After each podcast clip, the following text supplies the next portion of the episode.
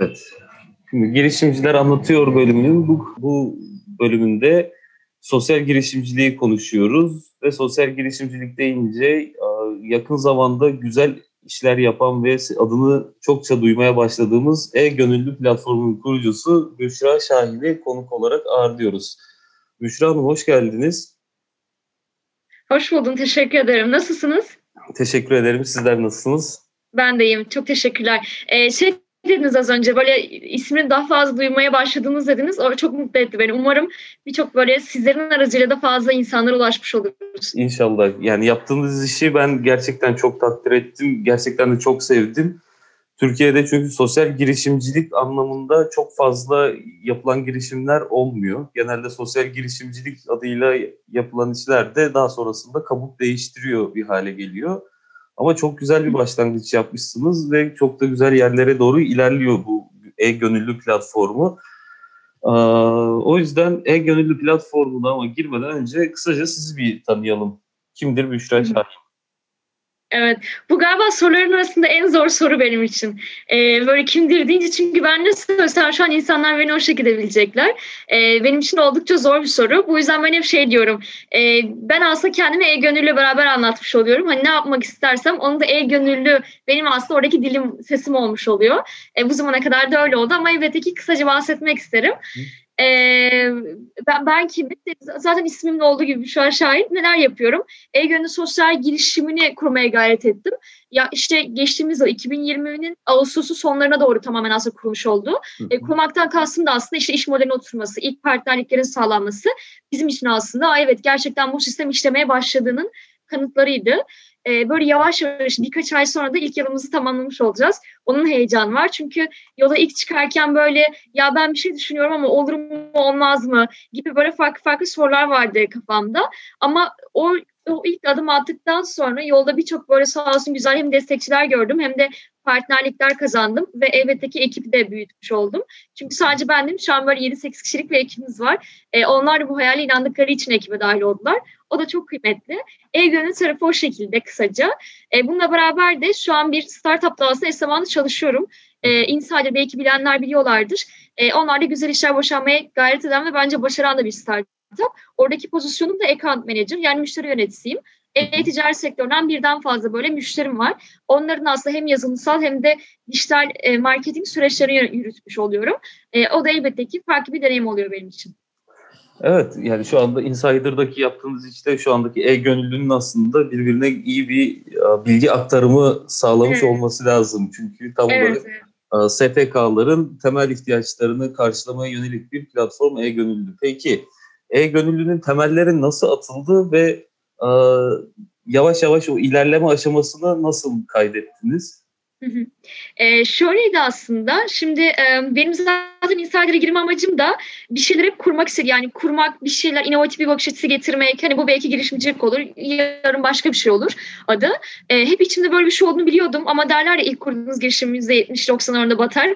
Ben de batmasını istemedim. Bu yüzden işi iyi yapan insanların yanında biraz böyle kendim pişirmek istedim açıkçası. O kan ter gözyaşını görmek istedim.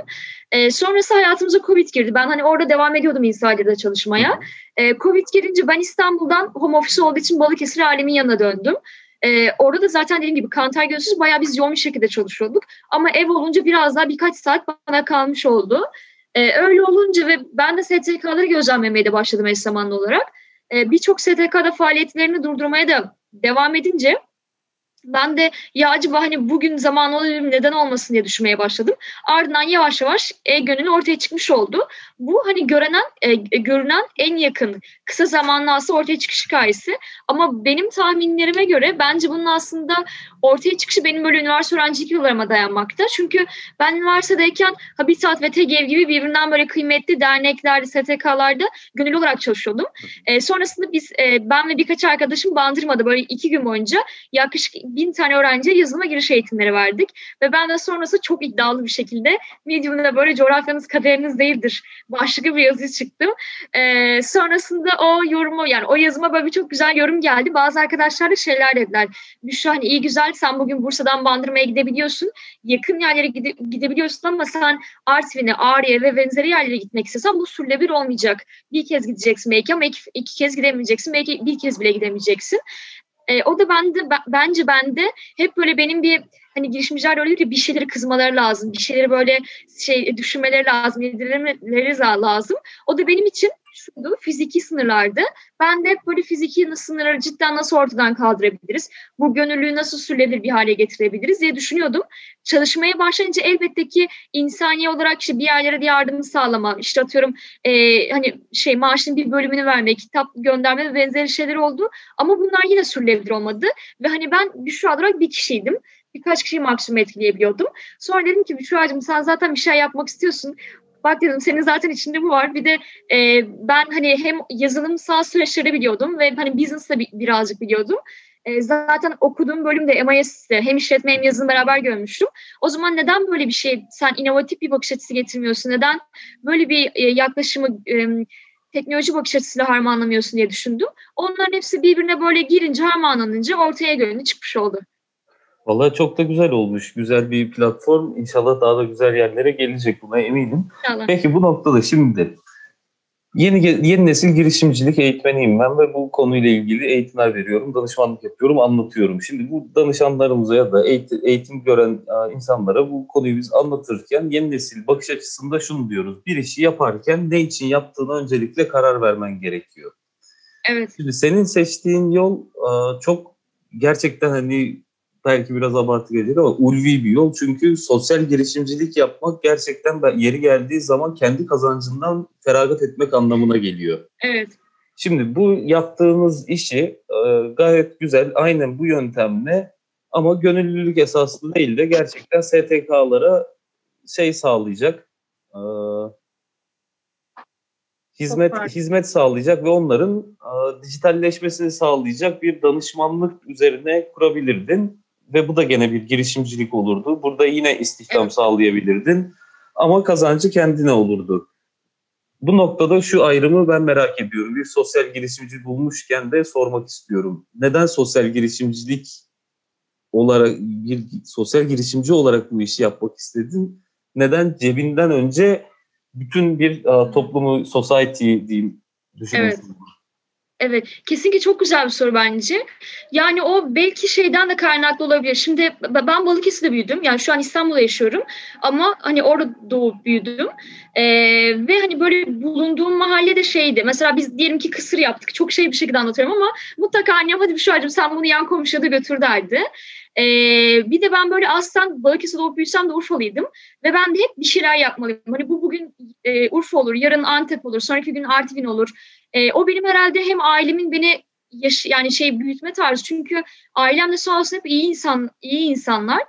Ee, çok fazla böyle kötülük ya da bir şeyleri kötü amaçlı yapmakla büyümedim. O yüzden hep dünyayı böyle nasıl iyileştirebilirim? Nasıl güzel şeyler olurum? Aman işte insanları üzülmesin ya da ne bileyim bir çocuğun gözü yaşlı kalmasın. Böyle zaten büyüdüğüm için e, mesela bazı insanlar şey dediler, Büşra zaten bu yaptığın şey teknoloji tabanlı bir şey. En temelde ne yapıyor gönüllü? STK'ların STK'larla gönülleri bir araya getiriyor. Yani bir STK ben işte ağaç dikmek ya da atıyorum çeviriyle alakalı bir projem var diye bunu sistemden çıkıyor. Gönüllü de Türkiye'nin dört bir yanından başvuruyor. Yani bu direkt globalde de, globalde de büyüyebilecek bir şey olabilirdi. Ama e, dediğim gibi o biraz böyle annemin Müşra'cığım ne, zaman, ne yaparsan ilk önce işte atıyorum akrabana, komşuna, yakın çevrene yap demesi. Ben de ya ben bunu ilk önce Türkiye'de başarmalıyım. Çünkü ülkenin buna ihtiyacı varı. Sonrasında globale gitmeliyim aklıma şey yaptı böyle e, bir şekilde böyle kazınmış oldu. E, onları örnek gösterebilirim. E, onun dışında bilemiyorum yani e, elbette ki dediğiniz gibi şey de çok önemli. Bence sosyal bir girişim olsa dahi bir sürdürülebilir gelir modeli de elde edebilmek çok önemli. Onun üzerinde de çalışıyoruz. Umarım hani benim isteğim öyle bir dünya olsun ki e, gönüller Türkiye'nin dört bir yanından özellikle çalışanlar çünkü çalışan insanlar bir süre sonra bağış gönüllüsüne dönmüş oluyorlar. Evet. Bu insanlar da bir şey yapmak istiyorlar. Onlar da gelsinler laptopları açıkken bir STK destek sağlayabilsinler. STK kolay bir şekilde tüm Türkiye ulaşabilsin. Çünkü bugün STK dediğimizde aklımıza TGEV, işte atıyorum Kızılay, UNICEF ve benzeri kurumlar geliyor ama e, benim bu işe girdikten sonra benim de adını hiç bilmediğim ama çok güzel insanlarla tanıştığım STK dernek kurucuları da oldu. Umarım biz onların böyle bilinliklerini daha fazla artırmış oluruz. Sonrasında da globale e, de evrilmiş olur buradaki yolculuğumuz. Yanına bir de elbette ki şey e, bir gelir modeli olmazsa olursa da harika olur. E, o şu an birinci önceyim değil çünkü farklı bir işte de çalıştığım için oradan zaten bir gelir modeli elde etmiş oluyorum. Ama günün sonunda elbette ki e-Gönül'den de bir gelir elde edebilme e, isteğim var. Sadece ilk yıl bunu gerçekleştirmek istemedim. İlk yıl birazcık daha STK partnerliklerinin artması, işte yazılım sistemini oturtmaya çalışıyoruz şu an. Sağ olsun arkada yazılımcılarımız çalışıyor. Bir işte SaaS modelli teknoloji tabanlı bir sosyal girişim olması, e, Türkiye'nin dört bir yanından bir gönüllü havuzuna ulaşabilmek. Bunlar da ilk öncelikli amacım.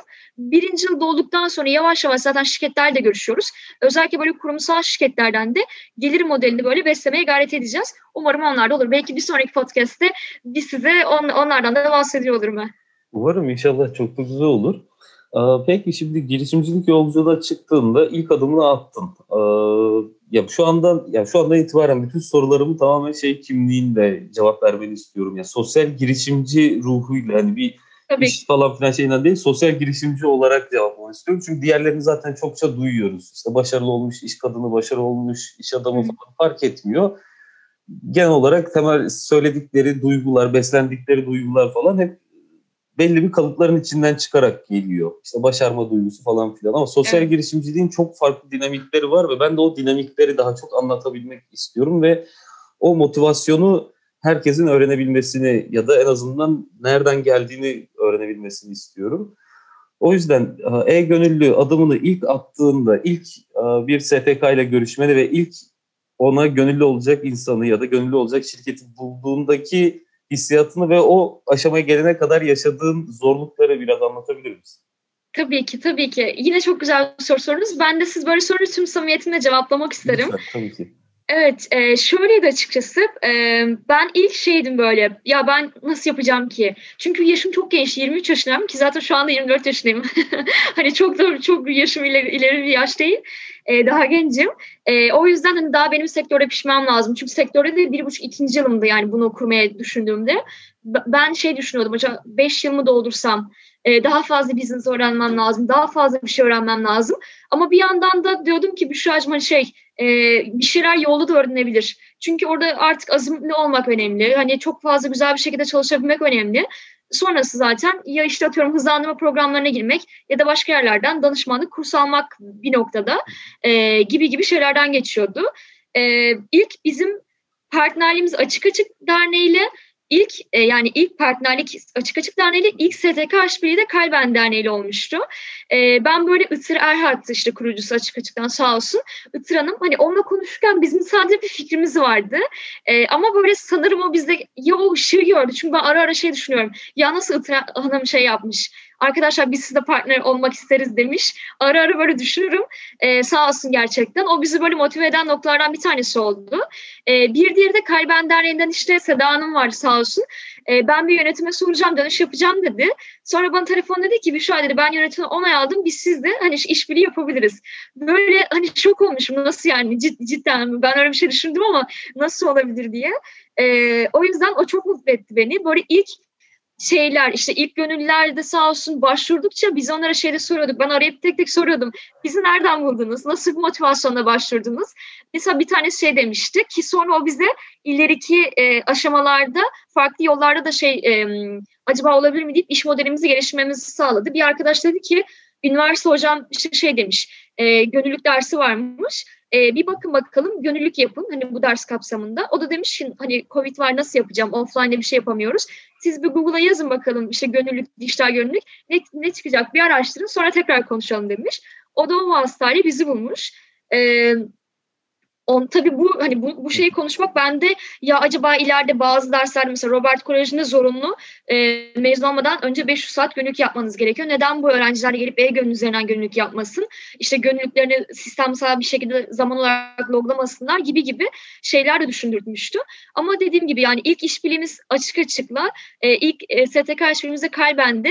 Şu an mesela şey sorsanız 10.sü kimleydi? Muhtemelen bilmiyorum ama ilkler gerçekten e, şey oluyor böyle e, çok üzerine titriyoruz. Hepsi de tabii titriyoruz ama ilkler bize ilk o ışığı görüp inanan insanlar tabii ki de onları da unutamıyoruz. Tabii ki ilkler gerçekten unutulmaz o anlamda. Peki şimdi yeni nesil girişimciliği e, aşama aşama anlatırken şimdi ikinci aşamasına gelelim. Şimdi bir motivasyonunuzu ne yapmak istediğinize falan karar verdiniz. O zaten kenarda ve bunu konuştuk. Evet. Şimdi biz ikinci aşama olarak şunu söylüyoruz ve öneriyoruz. Diyoruz ki bu yapmak istediğiniz alanda daha önce yapılmış olan ve başarısızlığa uğramış girişimleri mutlaka inceleyin diyoruz. Ki evet. böylece onların hatalarından, yanlışlarından ders çıkartalım diye. Peki bir sosyal girişimci, bir sosyal girişimcilikle ilgili bir işte bulunurken şimdi başarısızlık hikayesini nereden edindin, nasıl buldun? Zaten çok fazla yapılan bir şey değil ve yapıldığı zaman da zaten başarısızlığa çok fazla uğrayan bir e, yapı da değil eğer doğru kurgulanıyorsa. Oradaki dışarıdan olan e, şeyleri işte bu başarısızlık hikayesi dediğimiz şeyleri nasıl elde ettin? Nereden buldun? Evet evet yine çok güzel soru sordunuz. Ee, şeydi böyle ben İstanbul'da yani Covid öncesinde böyle fakat nice'lar olurdu. Ömer hı hı. E, Ömer abi var. Onun böyle şeylerine giderdim. Çünkü orada dediğiniz gibi herkes işte o kadar çok fazla hesap var ki şunu yaptı işte şu kadar para kazandı, milyarder oldu gibi gibi şeyler. E, ben hem oraya gidip o başarısızlığı da görmeye çalışıyordum ya da işte atıyorum TED Talks vesaireler izliyordum. Hı. Bir de o Insider'da bizim sağ olsun işte kurucular da e, şey girişimcilik sessionları vesaire yapıyorlardı. Orada da ben sorular soruyordum. Ne, neyle başarısız oldunuz? Sizce şu an geri dönüp baksanız neyi nasıl yapardınız vesaire tarzında. Ee, bir de e-gönül tarafında da bizim yaptığımız işin benzerini yapan hatta 4-5 yıl önce yapan insanlar da vardı. Hı. Benim görüşüm bence onlar pazar bu kadar hazır değilken hani önden böyle bir şey giriştiler diye düşünüyorum ben. E, ama bizim girdiğimiz zaman zaten Covid'di. Zaten STK'lar bir anda ne yapacaklarını şaşırdılar. Onları böyle biraz daha teknolojik, dijital dönüşümü bilen birileri gerekiyordu bence. Orada e-gönülün yer alması iyi oldu. Çünkü ben işte bir iki tane partnerlik görüşmesi yaparken şey demişler işte X diyelim kurumun adına. E, X kurumu da bunu deme, denemişti ama şu an çok da aktif değiller. Umarım sen başarısın Büşra demişlerdi. Hani o, o şekilde yorumları da gördüm o partnerlik sürecinde.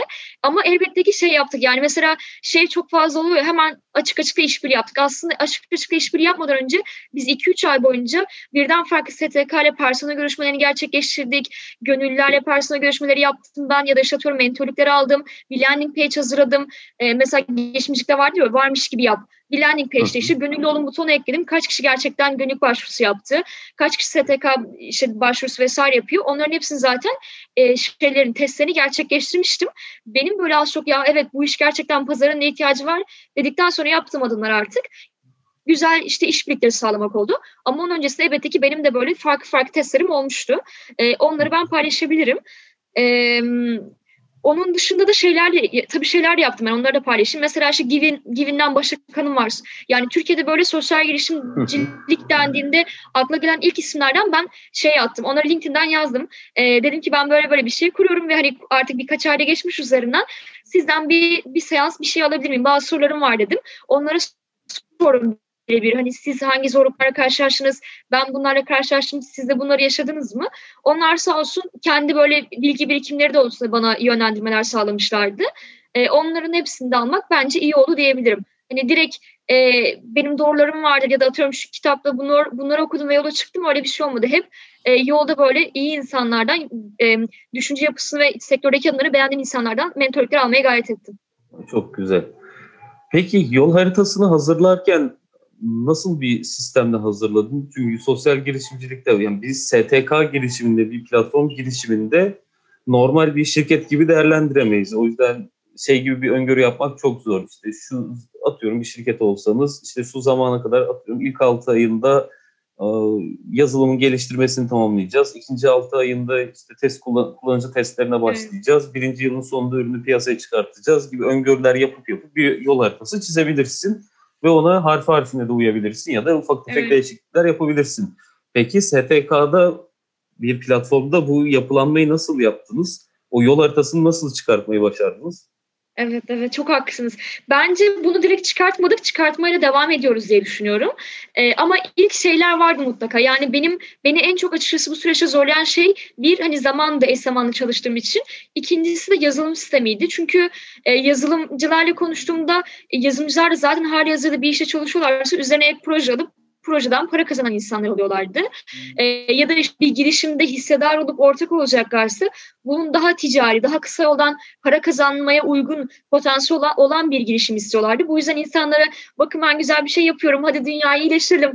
Böyle pembe pembe şeyler, hayaller anlatıp hadi gel bir de seni hissedar yapayım dediğinde yani bu işten ne zaman para kazanacağız? Ne, ne zaman da para kazanmak sürdürülebilir olacak mı? Her ay nakit bir akış olacak mı? Farklı farklı sorular da geliyordu.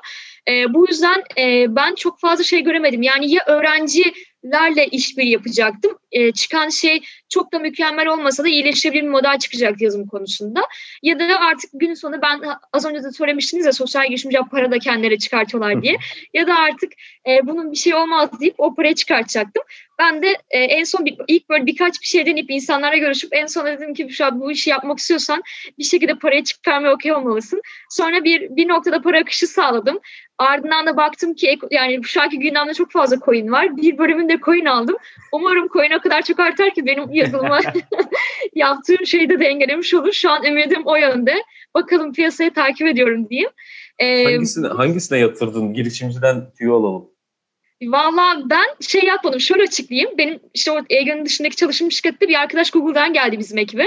o zaman da Silikon Vadisi'ndeyken arkadaşlar onu fiziksel bitcoin al demişler. İşte o zaman 100 dolar gibi bir şeymiş. O da gitmiş 16 tane almış. Geçenlerde sattı. Hani bayağı bir yüklü miktar. Ben de ona hemen bir tane şey attım. Böyle Google işte takvim attım, session attım. Dedim ki e, şey e, hatta adı da böyle bitcoin para emojileri falan var. Bana tavsiye verir misin dedim. Onun işte önerdiklerinden Excel'em şu an iyi bir şekilde gidiyor. Hani bir onda ben güzel bir şeyler alırsam alacağım gibi görünüyor ama onun dışında şeyler falan vardı işte e, Tron muydu? XRP falan bir şey aldım ama onlar çok da iyi değil. Yani bir Behance'de bakıyorum arada çok XRP, bakmak istemiyorum. XRP Aynen. daha şeyde ben tabii hiç o tarafa doğru kaymayalım şimdi. O, ben de evet. yeni yeni o şeylere yeni yeni dediğim bir senedir hani ilgi gösteriyorum şey yapıyorum. Önceden de biliyorduk da. Süper. Piyasanın içine girmemiz son bir sene oldu ama hiç o tarafa girmeyelim şimdi bir de gündemde zaten Bitcoin sürekli olarak var. Oraya girdik mi çıkamayız. Evet evet. Hemen hızlıca toparlayıp konumuzu Haklısın. döndüreyim ben. Tamamdır. Şunu sorayım. Şeyde girişimcilik aşamasında şey yapmak, e, kendini motive etmek çok önemli bir rol oynuyor. Kendini kesinlikle motive etmen gerekiyor. Hele ki sosyal girişimcilik yap, yapıyorsan e, işin ucu sana da bir şekilde dokunuyor ve kendinden feragat etmen gerekiyor. Ve illaki iş hayatının içindesin ve red cevabı alıyorsun kesinlikle. İlla ki bir yerlerle görüştüğün oldu ve hayır istemiyoruz diyerek direkt kapıyı suratına kapatanlar oldu. E şimdi bu gönüllülük esasına dayanan ve bir hayalle yola çıkılan bir şey, bir amaçla evet. bir şey hayal ederek yola çıkıyorsunuz ve karşınızda iyi bir şey yapmaya çalışıyorken bile bir anda hayır ilgilenmiyorum deyip kapıyı kapatan oluyor. Bu şimdi işin özünde en çok sizin herhalde mutsuzluğunuzu sağlayabilecek, mutsuzluk verecek olan ve motivasyonunuzu kırabilecek olan yaşayabileceğiniz olay bu.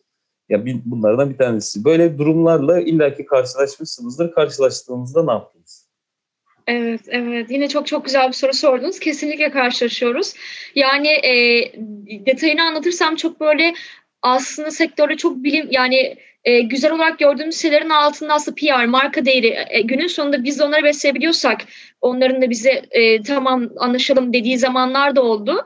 E, onları görünce aa öyle miymiş e, dediğim çok zaman oldu. Ama hani onun dışında motivasyonun düştüğünde ki çok fazla düştü açıkçası. Çünkü zaten Covid var, zaten e, çalışıyorum, üzerine ek bir saatler çalışıyorum. E, böyle ve hani işim bittiğinde zaten gece atıyorum bir oluyor ve sonra gün sabah tekrar saat 8'de işe başlıyorum. Hani benim bir 6-7 ayım böyle geçti. E, şu an daha yeni yeni işte ekibin sayısı büyüdü. Artık sistem biraz daha oturdu. E, onlar olunca biraz daha rahatlamış olduk. Ama öncesi cidden ben böyle bir belki 7-8 ay geçirmiş oldum. Öyle zamanlar böyle bir kendime kuş bakışı zoom baktığımda böyle şöyleydim işte tabii şu an podcast'te insanlar göremeyecek ben hareket yapıyorum ama e, ya işte şey diyordum Büşra'cığım yapmaya gerek var mıydı? Hani başka zaman mı yapsaydın? Zaten çok gençsin. Dünyayı görmen lazım. Şöyle böyle bir sürü şey aklıma geliyordu. Ee, ama sonradan işte öyle zamanlar ben hep böyle bunu neden yapmak istedim. Ben hani neleri böyle şey iyileştirmek istedim ki bu, bu şeyi ortaya çıkarmak istedim. Onları kendime sorduğumda aslında yapmak istediğim şeyin Büşra'dan, Büşra'nın e, bireysel olarak amacından çok daha farklı, çok daha büyük kitlelere hitap ettiğini gördükçe hep kendime şey diyordum. Okey hani sen bir saat şey e, yorul, bir saat e, stres ol. Ne olacak ki? iki saat uyursun geçer. Ama bu yaptığın şey atıyorum işte 100 tane öğrenciye katkı sağlayacak bir şeyse e, ne olacak yani Büşra? Sen zaten uyuyunca bunlar geçiyor. Atıyorum hafta içi çok fazla çalış, hafta sonu sadece bir gün full uyu e, deyip böyle kendimi farklı farklı yollarla motive etmeye çalışıyordum. E, o, o öyle şeyler de zaten hani şey e, böyle yavaş yavaş bu zamanlara kadar geldik ama şey söyleyemem. Yani ben şey e, çok böyle insanlar biraz böyle hırslı diyebilirler bana ama bence o azim e, çok inanılmaz azimli olduğumu düşünsem dahi çok inişli çıkışlıydı benim dönemlerim. Yani üç gün böyle çok hızlı bir tempoyla e, çıkıp bir gün tamamen böyle kendimi Netflix'e kapattım ve hiçbir şey düşünmek istemiyorum dediğim zamanlar da oldu. E, ama hani böyle ine çıka kalka dışa kalka bir şekilde oluyor. E, buradaki bence en önemli şey bunun amacının benden çok daha büyük bir şey hizmet ettiğini görmek ve tekrar o ilk o korktuğum ya acaba olabilir mi dediğim güne dönüp e, neden yaptığımı düşündükçe o zaman o azmi tekrar kendine bulmuş oluyorum. Vallahi harika. Peki son bir soru soracağım girişimcilik özelinde. Sonra sosyal girişimcilik ve biraz daha toplumsal e, sorular soracağım. Girişimcilikle alakalı bizim e, benim şiddetle önerdiğim bir nokta var ki çıkış stratejisi. Çünkü Hı. bir işte bulunabilirsiniz çok doğaldır ve bu istediğiniz gibi işte daha önce başarısız hikayelerinde dediniz ya yapanlar vardı ama doğru zamanda girmediler herhalde dediniz. Onun gibi doğru zamanda girmemiş olabilirsiniz. Yaptığınız hamlelerden bazıları beğenilmemiş olabilir ve o yüzden itibar kaybetmiş de olabilirsiniz. Bunu sosyal girişimcilik özelinde söylüyorum. Ya da sizin için çok güzel bir fikir olsa da insanlar gerçekten o fikre hazır olmayabilirdi ve gerek görmediği için gönüllü de olmayabilirdi, partner de olmayabilirdi.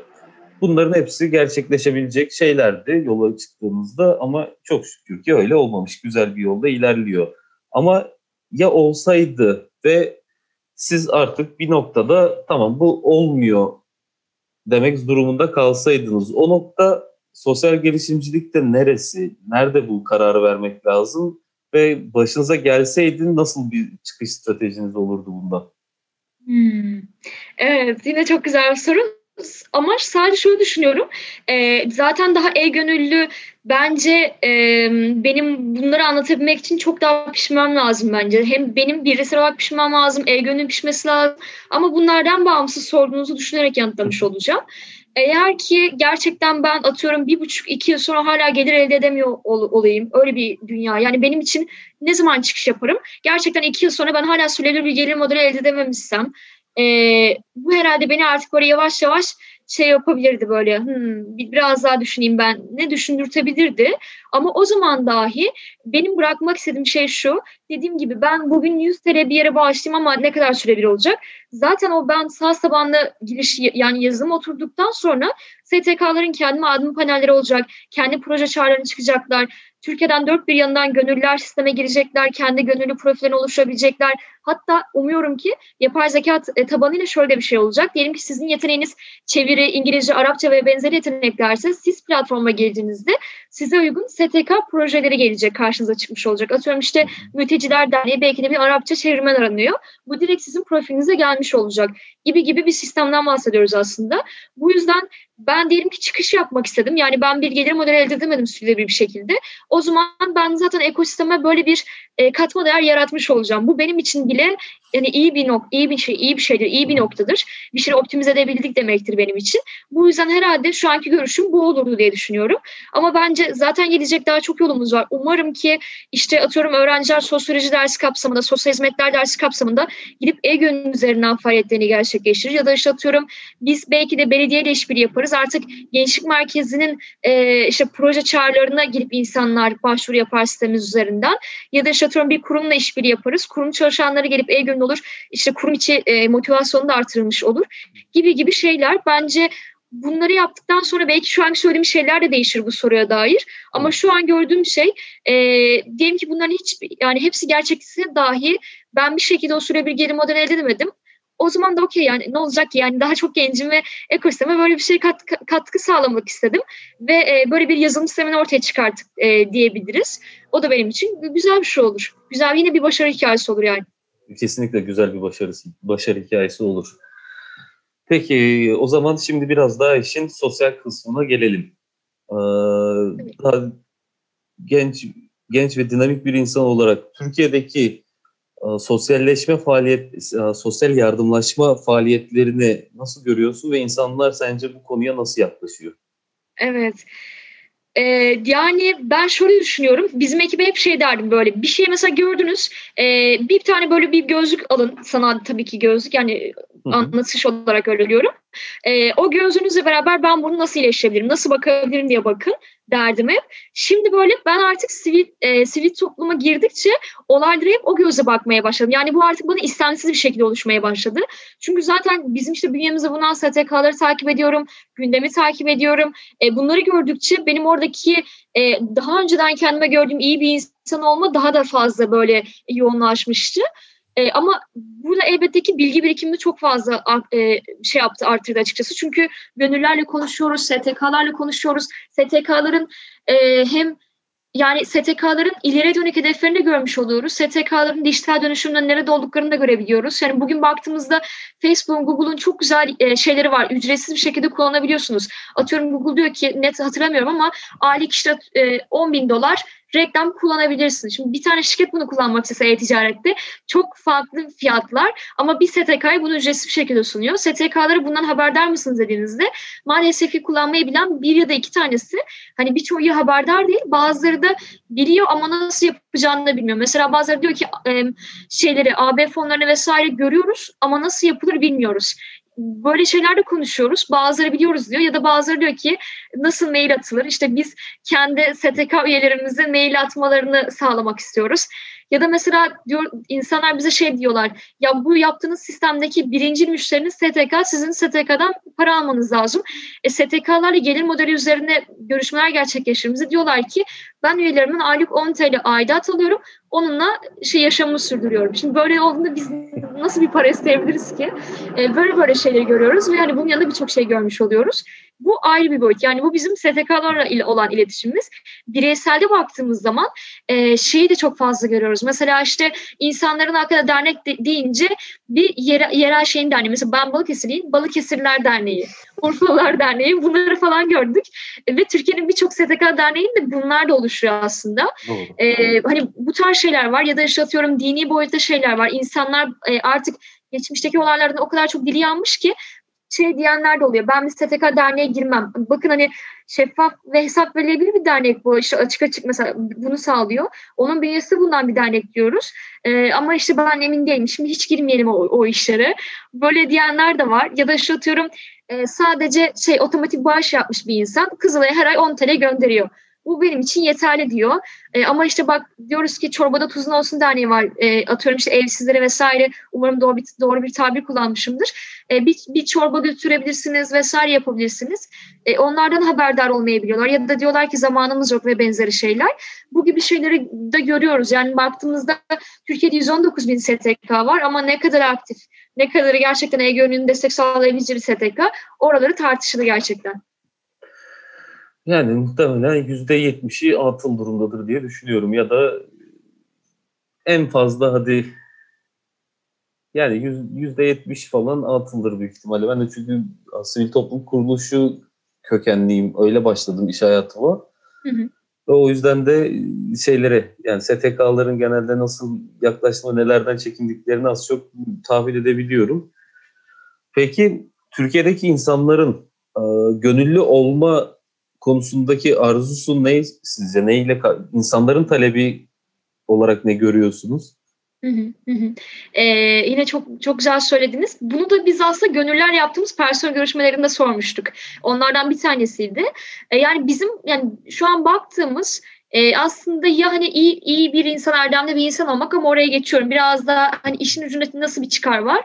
İnsanlar eee eğer ki saf bir iyilikte bunu düşünmüyorlarsa şey yapmak isteyebiliyorlar. Bazıları artık yaşım ilerledi. Ben de bir dernek kurayım. Kime ne katkı sağlarsam ama yanında da işte derneğin yönetici şeyin ünvanını almış olurum. Bu tarz böyle şeyleri de görebiliyoruz.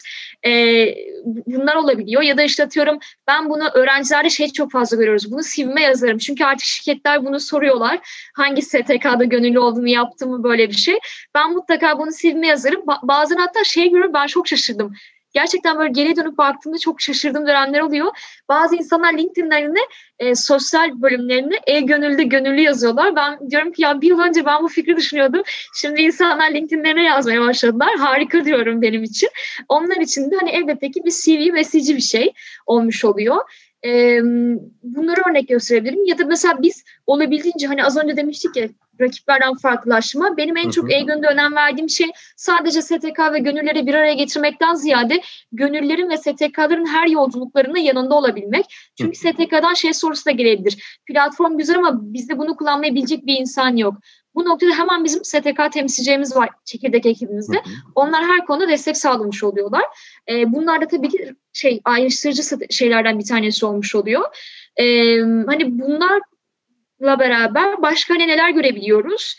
Ee, belki çalışanlarda da yine aynı şekilde şeyler olabiliyor. Bazı şirketler sağ olsun gönüllülük yapınca haftada bir saat sana zaman verebiliyorlar. O saati o şekilde ayırayım diyenler de olabiliyor. Ya da işte atıyorum bu eğitim işte gönüllülere her noktada yardım ediyoruz dedik ya demiştim ya. E, orada eğitim vesaire verdiğimizde mutlaka sertifikalı mı diye bir sorular gelebiliyor. Bu gibi şeylerde aslında oradaki motivasyonu artırıcı şeyler oluyor. Ama tabii ki de kimse bir şekilde zorlamadığımız için bence herkes güzel şeyler başarmak istiyorlar. Ama elbette ki bir insan olarak da zamanımın bir iki saatini veriyorum. Yanında acaba bana da bir katkı sağlıyor mu diye dönüp bakıyorlar mutlaka. Peki bundan aradığını bulamayıp gidenler oldu mu? Ee, şöyle şeyler gördük. Mesela biz olabildiğince STK'lara destek sağlamak istiyoruz ama bazen STK'ların da atadıkları STK temsilcileri gönüllerin bazı sorularına cevap veremiyor olabiliyorlar. Belki yoğunluktan, belki işte farklı farklı nedenlerden. Ee, bu gibi zamanlarda gönüllü motivasyonu düş- düşüyor ve hani ben bu platforma geldim, STK hevesle ona destek sağlamak istedim söyledim. Yapmıyor. Hani bir kez daha şansımı deneyeyim diyorlar. Bir kez daha yazıyorlar. STK hala dönüş yapmazsa onların orada bir, bir, bir şekilde yolculuğu bitebiliyor.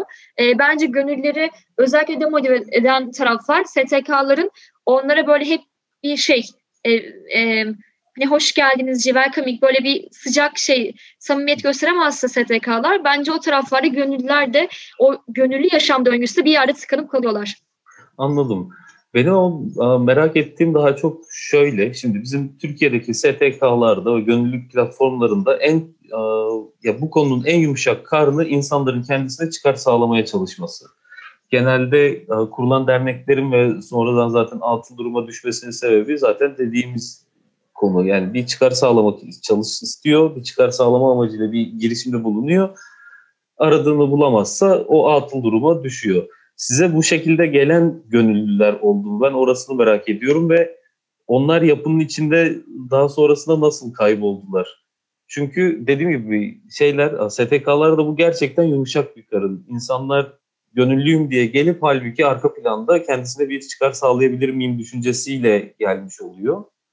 Ben o o tarz gönüllülerle karşılaştınız ve karşılaştınız mı ve onlarla olan diyaloglar nasıl gelişti orasını merak ediyorum. Çünkü e, başarılı bir yolda gittiğiniz belli ve şeffaf davranıyorsunuz. Arka planda hiç yani art niyeti olan hiç kimsenin zaten o şeffaflıkta dayanması mümkün değil. İlla ki kopup gidiyordur. Evet. Ben o kısımları evet. merak ediyorum nelerle karşılaştığınızı. Kesinlikle. Sadece burada soruyu doğru anladım onu bir merak ediyorum. E, şu, şundan mı bahsediyoruz? STK'ların bir hevesle şeyi kurması, STK derneği kurması ama sonrasında ilerletmemesi mi? Yok hayır. Benim sorduğum soru, soru şu size gönüllü olarak gelen insanların içerisinden bir çıkar elde etmeye çalışıp ama sonra sistemin içinde barınamayıp gitmiş olan ya da aradığını bulmuş olamayan var hmm. mı onu merak ediyorum. Evet yani az önce bizim için yani benim gönüllerde gördüğüm direkt STK ona bir şey yapmıyorsa, dönüş sağlamıyorsa orada artık yaşam ömrü bitebiliyor. Ama onun dışında mesela bizim iletişim yeri olarak kullandığımız bir platform var. Oraya girdiği gibi böyle farklı farklı şeyler yazan biri olmuşlardı. Orada zaten admin yetkisi bizde olduğu için direkt arkadaşa çıkarmıştık. Hani bir öyle bir şey başımıza geldi. Ee, ama onun dışında böyle e, farklı farklı çıkar ya da nedenlerle hiç yapacak bir arkadaşla karşılaşmadık bu zamana kadar. Vallahi gerçekten çok şanslısınız o zaman.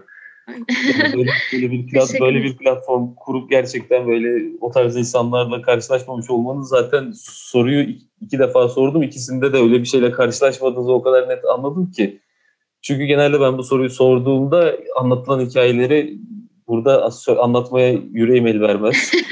olabilir, olabilir. Evet.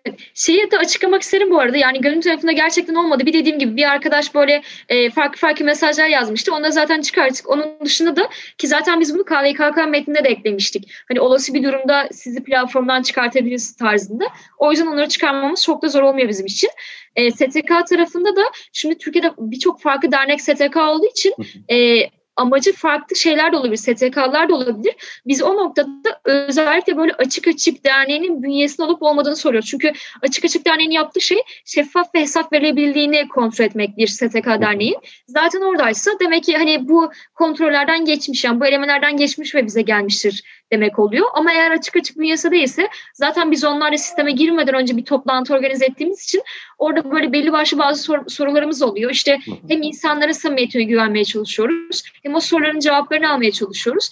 E, sonrasında da onlarda olunca zaten hani sonrası STK tarafında hiç e, farklı bir durum yaşamadık bu zamana kadar. Maşallah diyeyim o zaman. Maşallah maşallah. Siz öyle deyince Gerçekten. farklı cevaplar da varmış. Yani o kadar enteresan hikayeler var ki hiç şey yapmayalım. Yani hiç karşılaşmamışsınız. Umarım da karşılaşmazsınız bundan sonra. İnşallah. Peki Türkiye'deki sosyal girişimciliğin sizin bulunduğunuz noktadan baktığınızda geleceğini nasıl görüyorsun? Evet. Ee, yine boyum aşacak bir cevap vermiş olacağım ama e, muhtemelen birkaç ay ya da bir yıl sonra da konuşsak benzer cevap veririm diye düşünüyorum. E, bence daha da artmalı çünkü insanlar hani benim gördüğüm şey, şöyle biraz girişimcilik sektörünü görüyorum. İşte liseli girişimciler, üniversiteli girişimciler var. Üniversite mezun olduğunda da ben bir iki yıl bu girişimciyi denemek istiyorum diyen insanlar var. Ya da beş yıl atıyorum özel şirketlerde vesaire çalışmış ve sonra girişimcilik denemek isteyenler var ama özellikle bu iş disiplini vesaire öğrenmiş insanlar yani işlerini bıraktıkları zaman artık işte diyelim çocukları var vesaire gibi şeyler de olduğu için ben orada işte sosyal girişimciye adım atayım. Aile 1000-2000 TL bile kazansam iyidir çok fazla insanlar yapamıyor. Çünkü en temelinde e, Türkiye şartlarında yaşadıkları için iyi bir şekilde gelir elde etmek istiyor buradaki insanlar. Bu yüzden bunu daha böyle ticari şartlarda e, yürütebilecekleri bir girişim modelini yürütmüş oluyorlar. E, bence şu anki sistemde çok fazla bence sosyal girişimci yok. E, hatta şey bile olabilir. İşte atıyorum sosyal girişimcilere sosyal bir şey proje, bir platform adı altında sosyal girişimcilik de var bence. Ama benim gördüğüm şirketlerin artık buralara baya bir önem vermesi. Sizin sitenize de görmüşüm. Kurum içi e, girişimcilikten de bahsetmiştiniz. Yazınızda okumuştum. E, bu tarz böyle şey faaliyet gösteren şirketler de var ya da e, şey mesela derler ya her şirket artık e, şey olacak sosyal bir şirkete doğru evrilecek. Bunlar bence güzel bir şekilde oluşmaya devam ediyor. Hani yürütülmeye buradaki faaliyetler devam ediyor. Umarım daha fazla artmış olur. Umarım zaten böyle sektöre bizim bir iki tane rakibimiz var. Onlar da güzel işler başarmaya devam ederler. Biz aynı şekilde faaliyetler gösteririz.